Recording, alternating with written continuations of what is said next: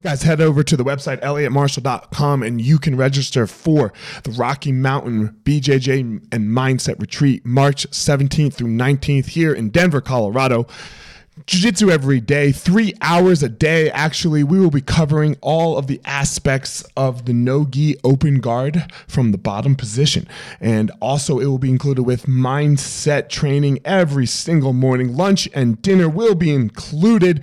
Denver, Colorado, here in the beautiful Rocky Mountains. ElliottMarshall.com. Go to programs, click on retreats, and you'll find it. Register now. First 200, first 10 people, $200 off. What's up, guys? This is former UFC fighter Elliot Marshall, and you are listening to The Blueprint.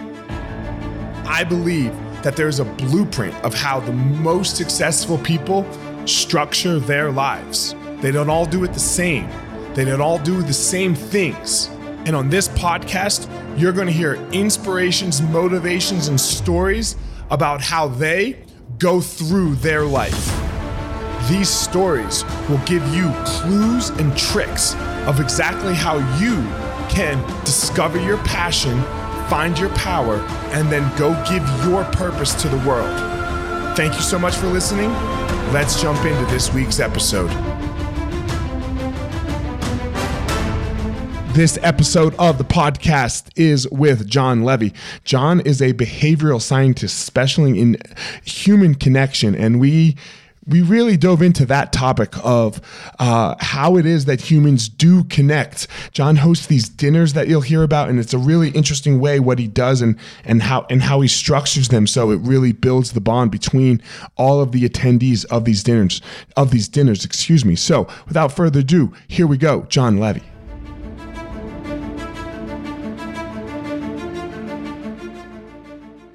I have a question. I was stalking your Instagram mm-hmm. and I saw you at Times Square for New Year's yes. Eve. Yes. What was what was that like? So first of all, I grew up in New York. The right. last place a human being who grows up in New York would ever be on New Year's is Times Square. In fact, right. for close to a decade, I have spent my life avoiding New Year's in New York like the plague. I would literally do anything not to do it. One time, one time, me and my best friend, his name is Liam Alexander, found out that at midnight in the town of Dillsburg, Pennsylvania, on New Year's Eve, they drop a six foot tall pickle man at midnight. And we decided to go to the town of Dillsburg, population, I believe at the time was 2,569, for New Year's, just not to be in New York. And what unfolded was an experience involving almost going to jail because state troopers didn't understand why people from New York would optionally leave New York to go to Dillsburg. All right. And that was still better than almost any New Year's experience I've ever had in New York. And yet, I still went to Times Square this past New Year's. And that's because I have been incredibly fortunate. And on uh, at one of the dinners that I run, I'm guessing we're going to talk about it soon. Uh, I hosted an incredible woman who I absolutely love and adore. Her name is Wendy Laister. And over the years, she has been the manager for such bands as Aerosmith, Guns N' Roses, Duran Duran, uh, to name a few. And she is, uh, sh- she told me, Hey, Jon, Duran is performing right before the ball drops in Times Square.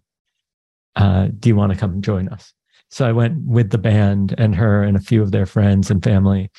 And uh, we got like a private concert, really, because there were cameras there, but it's like 40 of us getting a right. few songs from the band. And then uh, we went down and they let us stay in the heart of Times Square in the best possible spot at midnight and uh, enjoyed the ball drop and then went home. Hey, so, I and let, let's be clear. Let, let's explain what it is for most people, right? If you just go to Times Square, you have to have a bag to shit and piss in if you have to go to the bathroom, right? Because or something you can't like that. Yeah, leave your spot. Some people wear like diapers. They don't diapers, drink all day. Yeah. Like they, it is not a, a it's not a pleasant yeah, experience, right? Because you can't uh, leave your spot. Like once you're in, yeah. you're in, and there's, there's no nothing. bathrooms. There's not right. You're not eating, so what, whatever you know. Which probably it sounds like you shouldn't eat because then who yeah, knows, right? Eat like, the things. Yeah. Yeah. So it's, you uh, like this is not not a fun a experience. Yeah. Yeah. Uh, okay. And I you did not have that experience. You did no, not no, wear no, a no, no. That's what I was saying. Like as a local, it's just a hype experience and it's not Right. any fun. Uh, in fact, Mhm. I I celebrated my uh, I, I have this large community, and to celebrate, we ran what's called Not a New Year's, which is a celebration the night before. So it's on the thirtieth, and it run ran from eight to midnight, but it had to be everybody had to be out before midnight, and the reason is that that way the introverts don't feel required to be up to a certain hour and like you know people who don't drink aren't like oh here have some champagne like it it takes all the social pressure off of it and you actually get to enjoy the time you have with people Yeah. Let, let's talk about that. You said enjoy the time you have. You're a behavioral scientist, right? You you Mhm. specialize in human connection. And I said to you offline, this human connection thing had been uh, a chase that I had been on for my entire life because of my, Mm. you know, odd upbringing of black Holocaust surviving grandparents, Jew. Mhm. So uh, didn't really fit in anywhere, right? holy cow So- what a yeah, story. yeah. so So, wait you're, can i ask a, unique. a question Yeah. about this of course, go ahead. are you are, are you mixed are you half black half I'm white half black. So my dad's black, my mom's white, but her Uh-huh. grandparents survived the Holocaust. Holy and I spent a lot of time with them, yeah like, you know, like three, four days a week. So uh very interesting, right? Very, Yeah. very interesting. Uh you don't fit in, right? You so you, Yeah, you you're- have you're very little human child. connection. Yeah. yeah like doesn't i doesn't matter where I go. Yeah, I I can't say I relate to the same degree, but I'm born to Israeli parents. I grew up in New York, Okay. so in New York, I was always too Israeli to be like an American kid, and in Right. Israel, I was too American to be an Israeli kid. So Israeli. I, I was like on the border of everything, right? Never quite fitting in anywhere. Right. So yes. So we we understand each other there, um, especially on the East Coast, right? Because uh, there's a lot of people, but you know it's the fucking East Coast. So and if you don't know what we're talking about, then you know go spend some time there. Uh, I've been on the chase of human connection, uh, and I would love for you to hear what it is you do with that and how you've got into this field. And Mhm. so yeah, you you take it. What what what is it that you do? So I, Elliot, I think like I, uh, I grew up a pretty lonely kid, right? Mhm. I didn't quite fit in. I also have a pretty significant learning disability. I'm dyslexic. So I had a tough time in school. Okay. It's not like I ever really found, especially in my younger years, uh, something that made me stand out or, you know, I wasn't an athlete or I had nothing to fall back on. Uh, but I was really geeky. I liked Star Trek, computers, things like that. Back then, you couldn't be a cool computer geek. Nowadays, you could be a cool computer geek because you make loot and, you know, you could be a dot com billionaire. look, it's weird how this whole thing has changed, right? You can wear like my kids wear like unmatching socks with SpongeBob and like, and it doesn't matter anymore. It's really Yeah. interesting how these how how because if I went to school like that, like Mhm. I mean, nobody liked me in the first place. I don't know if I would have made it out. Yeah. We couldn't do that. that. so when ahead, uh, when I was in my twenties, uh, late twenties, I I came across this crazy study, and it's by these two guys, Nicholas Christakis and James Fowler. Uh, and you can read about this all this stuff in in my most recent book. It's called "You're Invited." Uh, it's a it's a, my very proud Jewish mother would want me to point out that it's a New York Times bestseller, Wall Street Journal bestseller. It was Wall Street Journal's book of the month. It's all about the science of human connection everything. Uh, And what what was I have to interrupt you for a sec. I have to interrupt you on on the proud Jewish mother thing. So. I was a fighter, right? And while when I the first website I made for me as you know fighter Elliot, my mom calls me and goes, Elliot, you didn't put that you have a bachelor bachelor's degree in math. Mhm. And I was like, Mom, no one fucking cares. Yeah. Like, like this is this is about Elliot, the UFC fighter. yeah. like they they they want to know how I'm gonna beat the hell out of somebody. They don't care. Yeah, they don't care She's that like, you can like yeah. calculate the hypotenuse. Yeah. And my mom is a Jew, right? You know, Yeah. so she's like, Elliot. Proud of your education. You studied yes, hard. yes. You yes. She's like, put it in there. And just with those words, I like called my web guy and was like, "Hey, mom, hey man, my mom really wants this in there. Can you just fucking add? Can you just add this sentence at the end, please?" That's amazing. Uh, so, go ahead after your Jewish mother. I uh, I came across a study by these two guys, Nicholas Christakis and James Fowler, and they were looking at the obesity epidemic. They were okay. curious: does it spread from person to person, like a cold, right? Like uh, coronavirus or how zombies work if they exist, right? Or is it a percentage of the population, right? There are certain diseases that just like show up. It's not because you don't get Alzheimer's because I shook your hand or something like that, right? And what they found was kind of crazy. They found that if you have a friend who's obese, your chances of obesity increase by 45%. Your friends who do not know them have a 20% increased chance, and their friends have a 5% increased chance. Now, this kind of effect is true for happiness, marriage and divorce rates, smoking habits, voting habits, and so on. So, human beings are fundamentally contagious. Our habits, our thinking, everything, right? And so I realized that instead of beating myself up for setting an alarm at 6 a.m. to go to the gym and then hitting snooze and never making it to the gym, maybe if I just spent more time with people I really admire that are healthy and fit or or good business leaders or whatever it is, then I wouldn't I'd actually gain those characteristics by just being part of their social circles. And I went on this journey to figure out what would have the most extraordinary people in our culture actually want to connect, build trust, and how do we really create a sense of belonging for people so that they stick around? Right. I don't want just a selfie with some famous business leader or athlete. What I wanted is for them to feel really connected to the point that that I get to see them often or talk to them or that they made friends through me so that they really feel like they're part of a community. And so I, I started studying it and uh, I developed a bunch of theories. And when I uh, put the theories to the test, I did it in a really weird way. I started inviting 12 people at a time to my home to cook dinner, wash dishes, clean my floors. And the weirdest thing is they thanked me for it and they would ask if their friends could do it. And so I hosted over 2,500 people at 288 dinners in 11 cities in four countries. Guests come, they're not allowed to talk about what they do or even give their last name.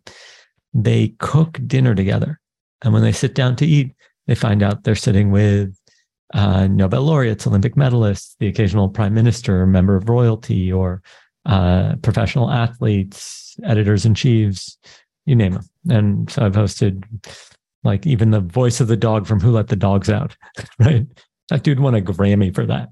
A Grammy for barking. Amazing. that's so cool. Anyway, uh, Man, so that's what uh... I've been uh, doing. It's completely free to all the attendees. Uh, I've hosted basically anybody you could think of, um, and it's been a real privilege. I, it's so interesting because, uh, and it just made me think. So I I run martial arts schools now, right? I own seven martial arts schools. Holy cow! And yeah. And uh it's a similar thing. Like what like uh like with the cooking of dinner, we said where no one knows what you do. Mm-hmm. Is that that's what you said, correct? Yeah, it's and completely it builds anonymous. a very it's completely anonymous. So it's yeah and instead of with look I, I, love cooking for people too so like my two things are food and fighting it's like this is the way i bring people together is, is we eat i either am cooking for you or we're beating each other up on a mat mm-hmm. but when we do the beating the people up on the mat thing no one knows what what car you drive outside oh yeah and no one knows yeah no one knows your profession and all that matters is what happens when you come in on the mat and, and how you deal with the other people on the mat. And then it builds these really, really strong bonds. Mm-hmm. And it's the same thing that you're saying because you're hanging out with them and you're actually spending time with them and finding out about them and, mm. and all of the. I, I would uh, actually, I'd accentuated a few additional steps. Go ahead. Right. Go. So the, the first thing is that people think that if I want you, Elliot, to like me, what I should do is try to win you over. Right. So I might okay. take you out to an expensive dinner, right? Hey, man, let me take you out for a meal, coffee, something. Most of those dinners are awkward and terrible. They're terrible. They're just such a, a drain. Now, what actually works is the exact opposite. It's called the IKEA effect. And the IKEA effect states that we care more about our IKEA furniture because we have to assemble it. So anything we invest effort into, we care more about. So when the two of us get on a mat, and what style martial arts do you are you Brazilian Jiu Jitsu and Muay Thai? Okay, perfect. So yeah. Brazilian Jiu Jitsu, you are physically investing effort into one another. I am showing you something. You're showing me something back, right? There's this give and take. And in the process, something really interesting happens. With that investment of effort and that familiarity, we create stronger bonds. But Brazilian Jiu Jitsu specifically, because of the nature of it, leads to a greater sense of vulnerability. Because in Taekwondo, you're like three feet apart. In Brazilian Jiu Jitsu, like you guys are sweating all over each other. You are and hugging. You choke you are, me. You yeah. choke me. And if, if, I if I tap and you don't let go, it's over for me. Yeah. So there's but, this but, uh, trust. yeah. And so it creates what's called vulnerability loops. And the way it works is person one signals vulnerability. If I say to you, Elliot, I am uh, super stressed out about this thing at work, you know, mm-hmm. whatever it is. In that moment, when I signal vulnerability, you can you have a choice. You can ignore me or make fun of me. Trust will be reduced.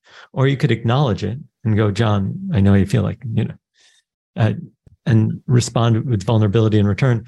Running seven schools right now is super stressful plus all of my social obligations. What are you dealing with? The moment that i see that you've signaled vulnerability back to the same degree trust increases to that higher level. When you're on the mats with somebody there's that constant vulnerability loop between, yeah, you're choking me out, I'm tapping. When you respect that tap, you've just opened and closed a vulnerability loop. Trust just increased. And so those loops open and close super fast when you're doing these kinds of physical activities. Do you train? What? Do you train jiu-jitsu? No, no. I, I did martial arts years okay. in my you just understand it really well. Yeah. Uh, so and so I I think it's a fantastic system. Also because it creates there's so few places where men can be safely vulnerable and intimate, right? And I think that that uh, dojo or school like that really provides a unique opportunity uh, that uh, for like a healthy form of masculinity. Why do you Why do you think we're so bad at it? I'm sorry. Why do you think men are so bad at it? And, and like you said, a healthy form of masculinity. Uh, I mean, I say this all the time in the podcast. I don't believe in toxic masculinity because I don't. I don't believe that behavior is masculine. The behavior, yes, right, obviously, like mm. asshole, right? Oh, interesting. Uh, it, it, it, it's just not masculine. Like that's not a masculine trait. So don't fucking put that on on like yeah, that's just called asshole or dickhead or whatever else you want to say. Right? I I, it doesn't I see where you're going with, with this. Yeah. I I I agree that we probably need new language, right? Mm-hmm. Because uh the we do confound things, right? And then right. like it it produces this situation where people who are women that might show certain characteristics are then called masculine or something like that, right? Um, when what we need is a new vocabulary to be able to discuss all of it. Totally get right. that. Yeah. Um, so uh, your question. Why do you think so many? Why do you think so many men mm-hmm. struggle with these? Let, let's just use the term toxic masculinity traits or the lack of being able to be vulnerable mm-hmm. with each other. I think there's a few problems. Uh, one is that there's a historic um, kind of training. Mm-hmm. The boys can't cry, things like that, right? And if you look back in the 1970s, this guy, L. David Mech, wrote a book, a compendium on wolves. And in it, I'm sorry, I, I sneezed for a sec. What'd you say? What's the book called? Uh, it's, it was a compendium on books on wolves. I okay. like it. Some he he brought together all okay. this information, And in it, he shared some research that stated that wolves uh, are led by an alpha male and an alpha female. Male dominates the males, female dominates the females. And that's how wolf culture works. book becomes a wild hit. A Supreme Court justice writes the New York Times review. I've never even heard of anything like that. He ends up on the Dick Cavett show, which is like, you know, being on the biggest night uh, show back then. And this it helps progress this idea of the alpha male, right? You see the 1980s come in, and it's you see Wall Street, and you know, by any means necessary, dominate and control. And you see this like top down authoritarian attitude of business leaders and how men control and dominate, and I'm the man, and all that. Repeats his research in the 1990s, discovers it was completely wrong. The reason it looks like an alpha male is dominating so much is because when wolves reach a mating age, they break off from the pack to find a mating pair and they start a family. Mostly what you're seeing is a mom and dad taking care of their cubs. And you have kids, right? Yeah, I'm the fucking alpha male in the fucking house. yeah. But that's because, but like, I have to. Yeah, it's yeah. just because like when you're there's no one else. Yeah, it's not even, but it's not because of like some great desire to dominate and control. No, it's like there's when no your one kid else. starts picking his nose in public, you're like, "What are you doing? Get your finger out of your nose!" Yeah. right. It's Sit at the table, wash your hands. yeah, it's it, like you Yeah, just need somebody to sure. be in charge. Yeah, someone has it- to do it. Yeah, but it turns out that like, and just think this through: if you were overly aggressive and felt the need to dominate everything, you'd get into all these unnecessary fights and get killed. You'd Mhm. get, you'd take your pack into fights that you didn't need to have, and they would get hurt, and they wouldn't then be able to hunt. And so, being just like a pure alpha doesn't actually work. In fact, empathy is far more critical in all these things, but we've been indoctrinated into a collection of of beliefs. Now, here's another thing, and, And- this is is And I do believe in strength, though. Like I, I'm not into Sure. the the, I'm not into the weak male. For you know, I'm I'm not into that at all. But it has to be balanced with what you were just saying: empathy, vulnerability, things like that. Like uh, an ability to listen. Mhm. So go ahead. so like my view is listen, it takes all types, right? Mhm. If where you find your voice is being like really strong and doing all great, if where you find your voice is sitting in a lab doing research that like benefits society, and you're just like the gym isn't your thing, but like you ride your bike and you're healthy and all that, great, more power to you. Like none of my business, right? But here's one of these things that's really super interesting. And this is not my area of expertise. I do not do any of the research on this. It's just anecdotally from people sharing stuff with me. What's really interesting is when you speak to people who've transitioned genders and be, they're put on hormone therapy, they talk about, uh, at least this is what I've heard, that their access to their emotions are just different. When going from female to male, then suddenly the one of the default responses is anger rather than like the complexity of emotions that they felt when they were women. And I think that's just a really interesting thing that there's probably some biological hormonal Yeah, elements sure. that give us that make it different for us to process emotions. I Right. think I, I was listening to years ago uh, the podcast This American Life. It was Yes. talking about a lady who was a super hardcore feminist, like Mhm. super hardcore, like almost hated men. Yep. But she but she was going to transition from female to male. Mhm. Um, and she she hated everything about the typical toxic masculinity male, including looking at women. Right? Mhm. Like she it's wrong. This is wrong. And then when she transitioned and they started giving her testosterone, she was like, I couldn't make it down a city block. yeah. Like I would walk and be like, don't turn around and look at that girl's butt. Don't turn around and look at that girl's butt. Don't Mhm. fuck that amazing ass, you know? And like she just literally, and then she would hate herself for it until she realized it was just the biology of what, well, you know, not now biology, what the drug, testosterone, the hormone did to her. So she had all this empathy. And she said she started calling men that she Mhm. was friendly with and got in arguments about about like looking and gawking at boobs and asses and Mhm. and like and how we and how we speak about like, you know, when we're with each other, like, yeah, you know, and we all do it because we, it's almost in a way like, uh, we can't, oh, and, and not excusing any misbehavior, Mhm. but uh, like when you click on my Instagram Explore page, it's jujitsu stuff and chicks. And I don't think I spend that much time looking at chicks, but I Mhm. definitely slow down. So And the al- yes, oh yeah, I, I Right? totally get it. The algorithm goes, oh, he stopped on that those big boobs and that nice butt, you know. And then I scroll, and but like for like, Mm-hmm. and it also of- just might be that and if i i can point out we don't know how these algorithms work it might be also that every single other person that's looking at jujitsu is doing it Right. and and so you just get it by association it's guilty by association either right? way but Yeah. but we can't help it. Like like i slow down. I'm i'm saying i cannot help it. If i see a good looking girl i stop for a second and then i scroll past. I'm do you want me to do? incredibly impressed with your honesty. So anyway well what do you want me to do? can, can we not research, but- admit this? But what?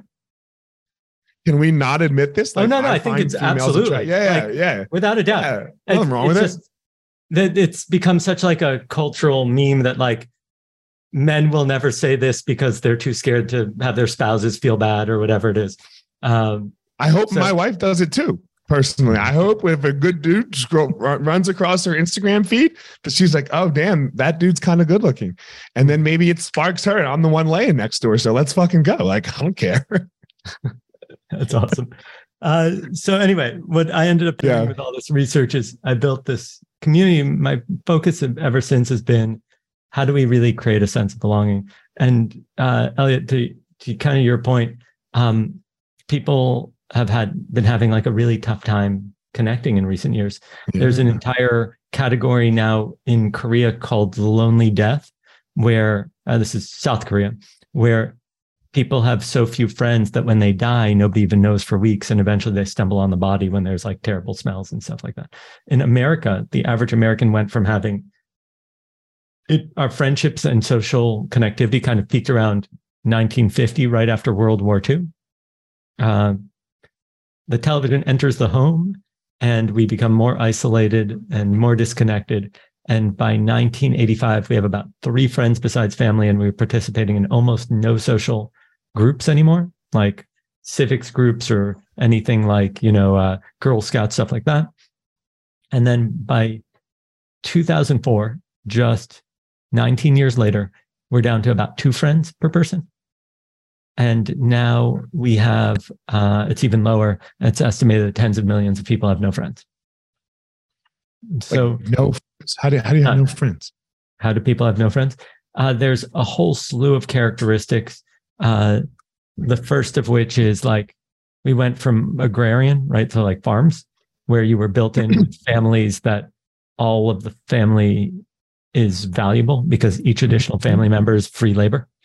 Uh, Right. To moving into cities where each additional child is an expense Oh, that right because by the time a kid's like six seven they can help around the farm by the time a kid's six seven you have to pay for an 11 more years and then college right Dude, my kids are into basketball. I think I spend like four thousand dollars a month on basketball.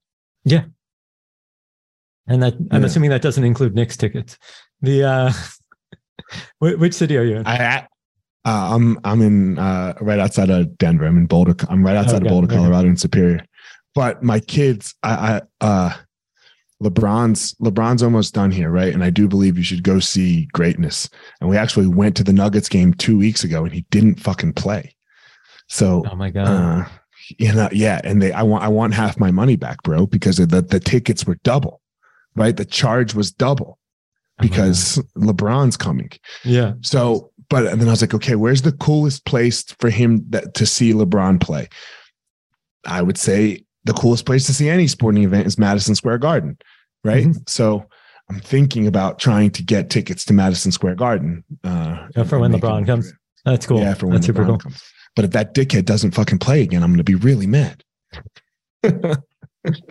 so um And I love LeBron. I'm, I'm I don't mean to call him a dickhead. yeah yeah. I, I mean listen Yeah. it's uh my hunch is that when you get to that level, you never want to miss a game. So if he did, it wasn't by his choice; it was by. Uh, oh, I disagree with you here. I disagree with you. I think Michael Jordan never wanted to miss a game, and neither did Kobe.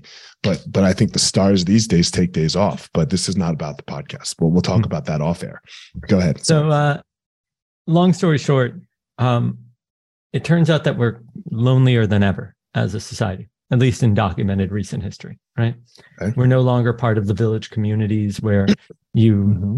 had like 20 mothers who took care of you. Right? It's theorized that if you go back tens of thousands of years, uh, when maternal mortality was like when one out of every eight high, yeah, uh, moms would die in child labor, it meant mm-hmm. that like the community really had to support in order for child survival, right? Like mothers knew that if they give birth, there's a good chance that it won't end well. And so there, these were very tightly knit groups. Now we don't have that anymore. And so people don't necessarily, one, come into the world with a pre existing community around them. And two, uh, we're in an age of helicopter parenting. So where every thing that your child does is organized by you and they're 10 years old and you're still cutting their food at the dinner table so they don't joke, then they never develop any skills of their own. And social skills are anti fragile, right? When you apply pressure on them, they get stronger. When you screw up a little and say the wrong thing, you learn what to say next time. And if kids never have to I develop, think all skills are anti fragile. What? I think all skills are anti fragile. Yeah. Yeah. Um, and so if, if kids never have to develop that, then by the time they reach college or their first job, you know, where's their social circle? They've never had to, mom always took care of it, or dad or whoever. And now they're on their own and they don't have the the the wherewithal to actually manage these things. So we're seeing a generational divide. Now that might be something that affects more like wealthier people who send their kids to college and all that. Mm-hmm. Um, if you don't have the if mom has to work all the time then you might be like a latchkey kid right uh, but i i think that we have a confluence of things it's also you know cities can be pretty lonely places when you're in towns everybody kind of knows each other uh, I want to stop you for a sec, just so that the audience understands the word anti-fragile. Can you? Uh, because I think people mess up the definition of anti-fragile. Mm. What, what, go ahead to explain so anti-fragile. We tend to talk about things in three categories there are things that are fragile. Like you take a champagne mm-hmm. glass or even just a regular glass, you drop it on the floor, it's going to shatter, right? It's fragile. There are things that are robust. If you hit your the wall of your building, nothing's happening to the wall of that building. Uh, it's more likely that you'll hurt your hand.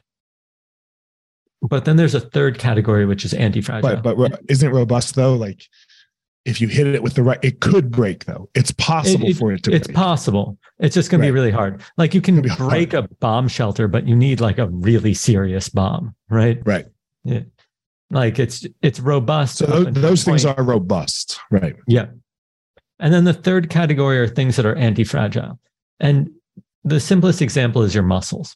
So if we go to the gym and we lift together, within a certain range, applying pressure to our our arms or our muscles, whatever it is, is really healthy. Temporarily, we might be sore, but we'll tear the muscle. And then when it grows back, it grows back stronger.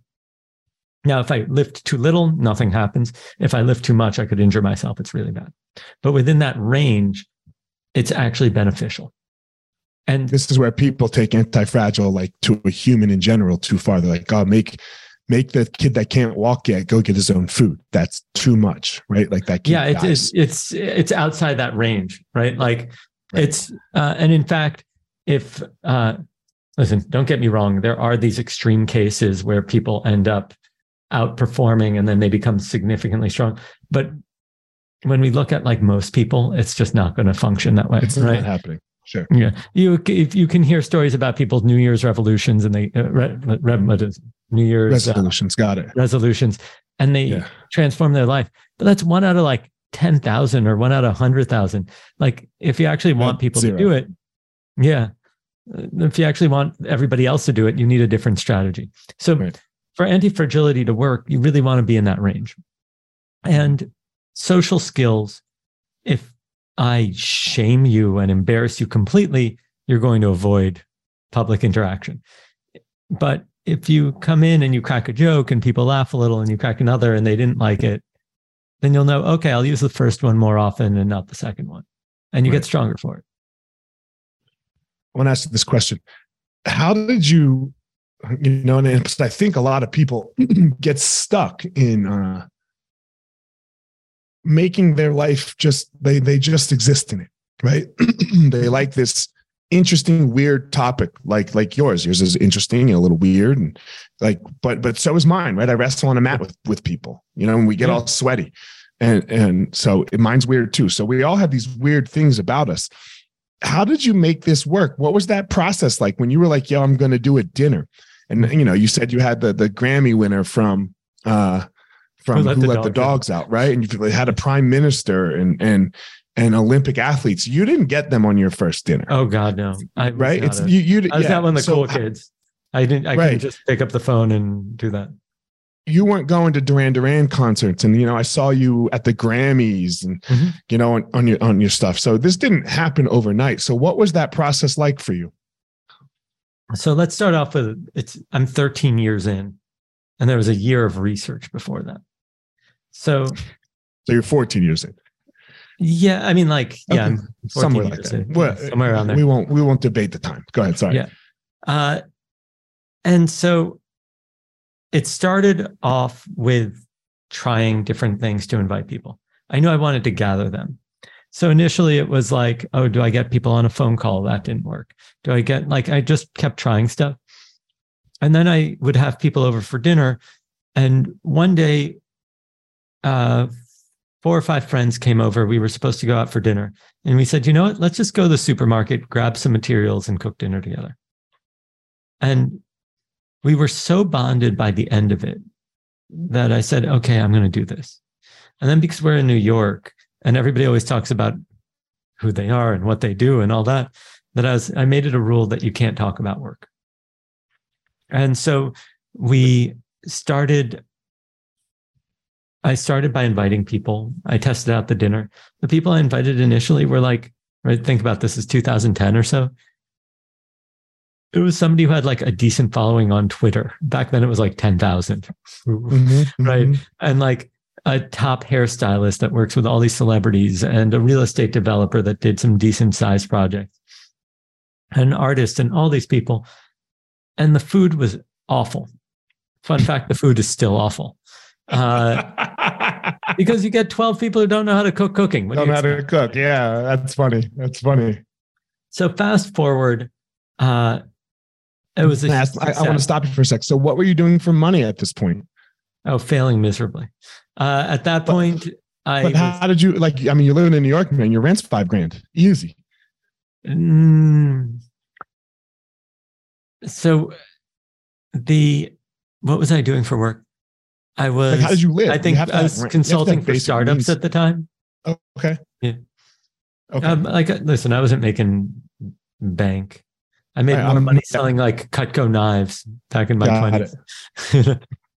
uh, the then what happened was uh, it took me a while to collect more names. It was probably like six months later till I did the second one. Then five months later to do the third one, and I did them very infrequently. And then at around 2013, I I was like, I got to do this more often. I started doing them every two weeks. I did two a month. And because of just continuously doing it, eventually I got like somebody who had won an Emmy because they wrote on The Daily Show.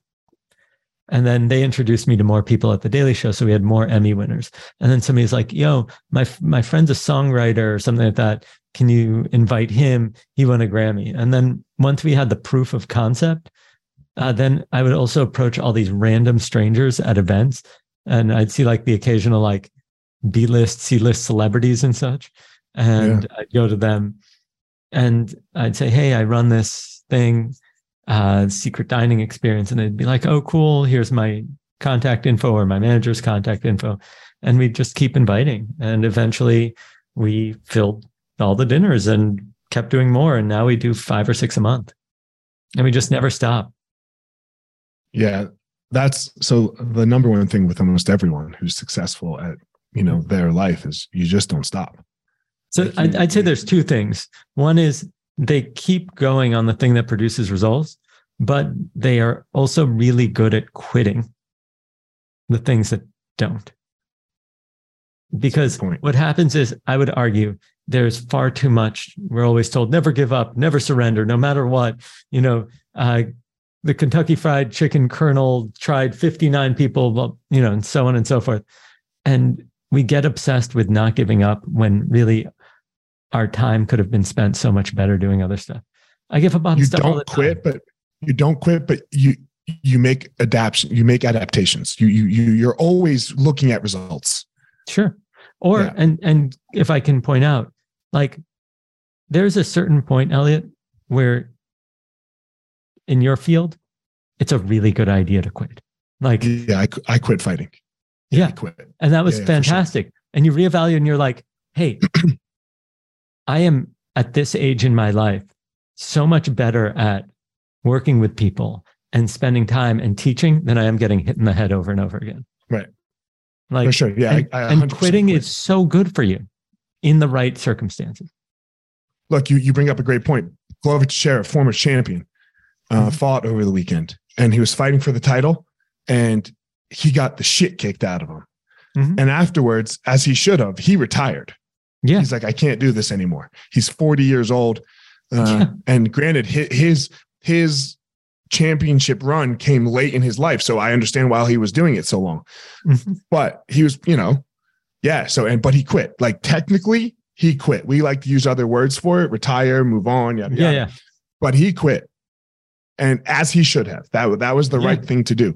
But what he said, he's like, look, I'm going to help these young fighters coming up. I have the champion. He's the head trainer for the middleweight champion of the world right now. I'm going to, right? So he's not quitting the whole thing. He's not going to go be an electrician somewhere. Not that there's mm-hmm. anything wrong with being an electrician. He's just not fighting. They make bank. I mean, are you kidding? I just, they kill it. Yeah. They kill like, it. Plumbers I, kill it. I know, seriously. And here's As the best part. They're, I don't think they're going to come up with like any AI in the next five right. years that's going to replace a plumber right? Yeah. Like they're like, I'm not going to get a robot that's going to figure out how to unclog something and like do all that stuff. Software engineers are fucked, but plumbers aren't. Yeah.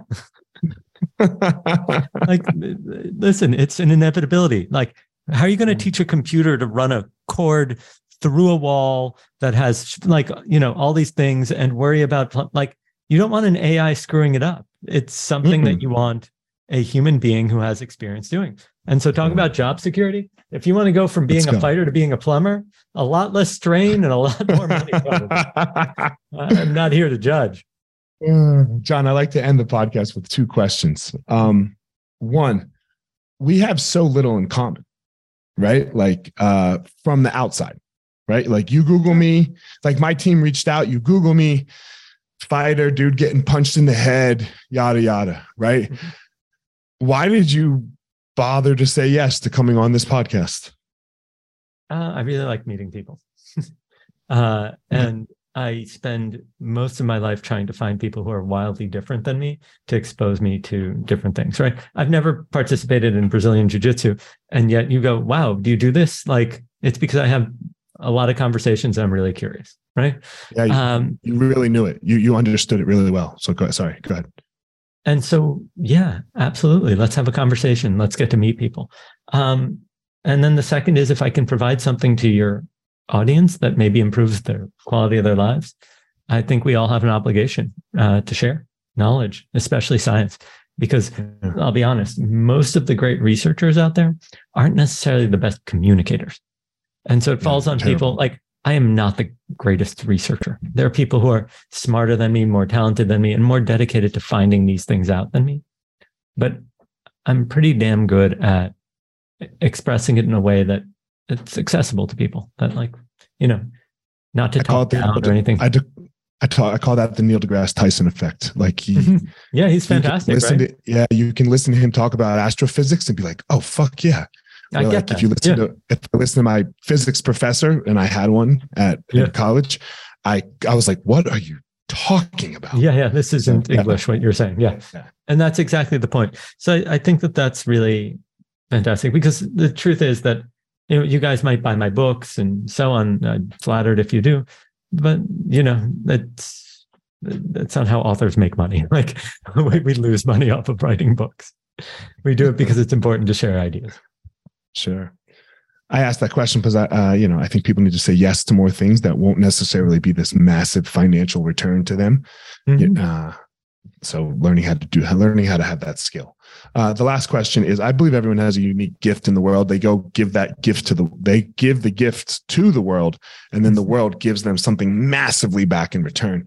Uh, you know, we were talking about LeBron earlier. Obviously, his is basketball, and, and it returns him a lot of money and fame. Not everyone's does that. Mine doesn't what is your gift? Uh, I think my superpower is connecting people and giving them a sense of belonging. Right. You know, I, uh, there's, I've run a lot of dinners and I like a lot of really bad meals. And during one of the dinners, a executive for a major company, like Fortune 50, maybe Fortune 100, uh, said to me, uh, to the table. She goes, Jon, and she's a black woman.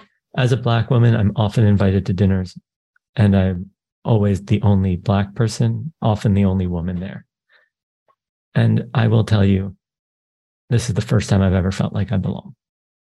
And I take a lot of pride in that, that I go to an extreme effort to make sure that everybody who steps through the door knows that they're safe here, that they can't do anything wrong, and that we're really happy that they came. Uh, most of these people, I don't like, there's no business angle, right? I have no business with Olympians. I have no business with mm-hmm. researchers or almost anybody who walks. Like, what am I going to pitch the prime minister of Belgium? Like, I have nothing to, sure. to do there. Can't, you can't do anything for him. I mean, yeah. I can maybe make more introductions, but like, sure. it's not, I'm not going to start consulting for Belgium. I mean, maybe if they want me to, but it's not. My, my guess is the prime minister of Belgium could get almost any connection he wanted. Uh, yeah, a, a, woman, but yes, a woman. I was hosting her. Yeah, yeah. Uh, yeah. she could. Um, Victoria woman, Sophie. Uh, so I think that really what I I can do better than most is understand what what mm-hmm. brings people together and then how to use that over time to improve the quality of people's lives, their communities, and hopefully one day the world. That's normally my last question, mm-hmm. uh, but I got one more. Can I come okay. to a dinner? Uh, I do not take the dinner guests. This is the wild thing. Oh. I don't know anything about like who the world's best uh, astrophysicists are, or how would I come to a dinner? How do you get so on? I am happy to put your name in, and then there's a committee that picks, yeah. and I stay out of it because okay. uh, after a few years, I, I when it started getting big, I didn't want my friends coming to me and being like, "Hey, yeah, why don't yeah, you invite me?" Sure. I'm like, no, these are people who actually know about these industries. So I will gladly put your name in. and if everything in, works out, you'll get an invite. You'll get to pick between like New York, LA, and San Francisco. We are a little backlogged because we took, you know, almost two years off because of the pandemic. And yeah, also no. because I'm expecting my first child in May. So we're taking a oh, little bit of time congratulations. off. Thank you. I'm super excited. Uh, yeah. I was would like, how old can a child be when they start jujitsu? That was like one of my first questions. Find a good school, and the answer should be about four. Four, fantastic. Yeah, there's um, great schools in New. There's great schools in New York. Yeah, yeah. I, I think hit, one of the has one to you. on the Upper West. There's, yeah. there's, uh, yeah, that school's very good. Renzo's on the Upper West Side is very yep. good. Yep. Um, Renzo's that's my lineage. So that that's, that, so that's I, used go, I, used to go to New York. Uh, that's my lineage. That's my teacher's teacher. Mm-hmm. So I used to come to New York a lot. So yeah, that's awesome. Um, Jon, so, yeah. thanks so much for coming. Oh, sorry. Go uh, ahead. Oh no, no, absolute pleasure. This has been a joy, yeah. and I hope we get to stay in touch. Yeah, let's do it. Uh, what? Uh, tell everyone if they're interested in what you're doing. Where can they mm-hmm. find your social website? All that stuff. Website is just my name, Jon Levy, J O N L E V Y. Uh, all my social is Jon Levy, T like Thomas, L like lion, B like boy, Jon Levy TLB. So if you go on Twitter, Instagram, anything, and uh, I try to do my best to respond to any messages. So feel free to message me on there, and I'll I'll do my best to get back to you, or message me through the website. And uh, my book is called "You're Invited: The Art and Science of Connection, Trust, and Belonging." Awesome, man. Appreciate it, guys. As always, Jon has his unique power that he goes out and gives to the world. And I have my unique power that I go out and I give to the world. Please don't go out in the world and try to be Jon. Please don't go out in the world and try to be me. Everyone, please go out there and find your own power. Thank you so much for listening to this week's episode. I hope you found something useful that you can take and implement into your life. Don't forget to head over to wherever you are listening to this podcast and leave a review. That would be greatly appreciated. Also, go follow me on social media at FireMarshal205 on Instagram. Leave a comment, anything that you would like there. And as always, if you think this would be useful for somebody else that you know for their life, send it their way. That would be greatly appreciated. That's it for this episode, guys. I hope you all have a great day and you go step into that power so that you can give your purpose to the world.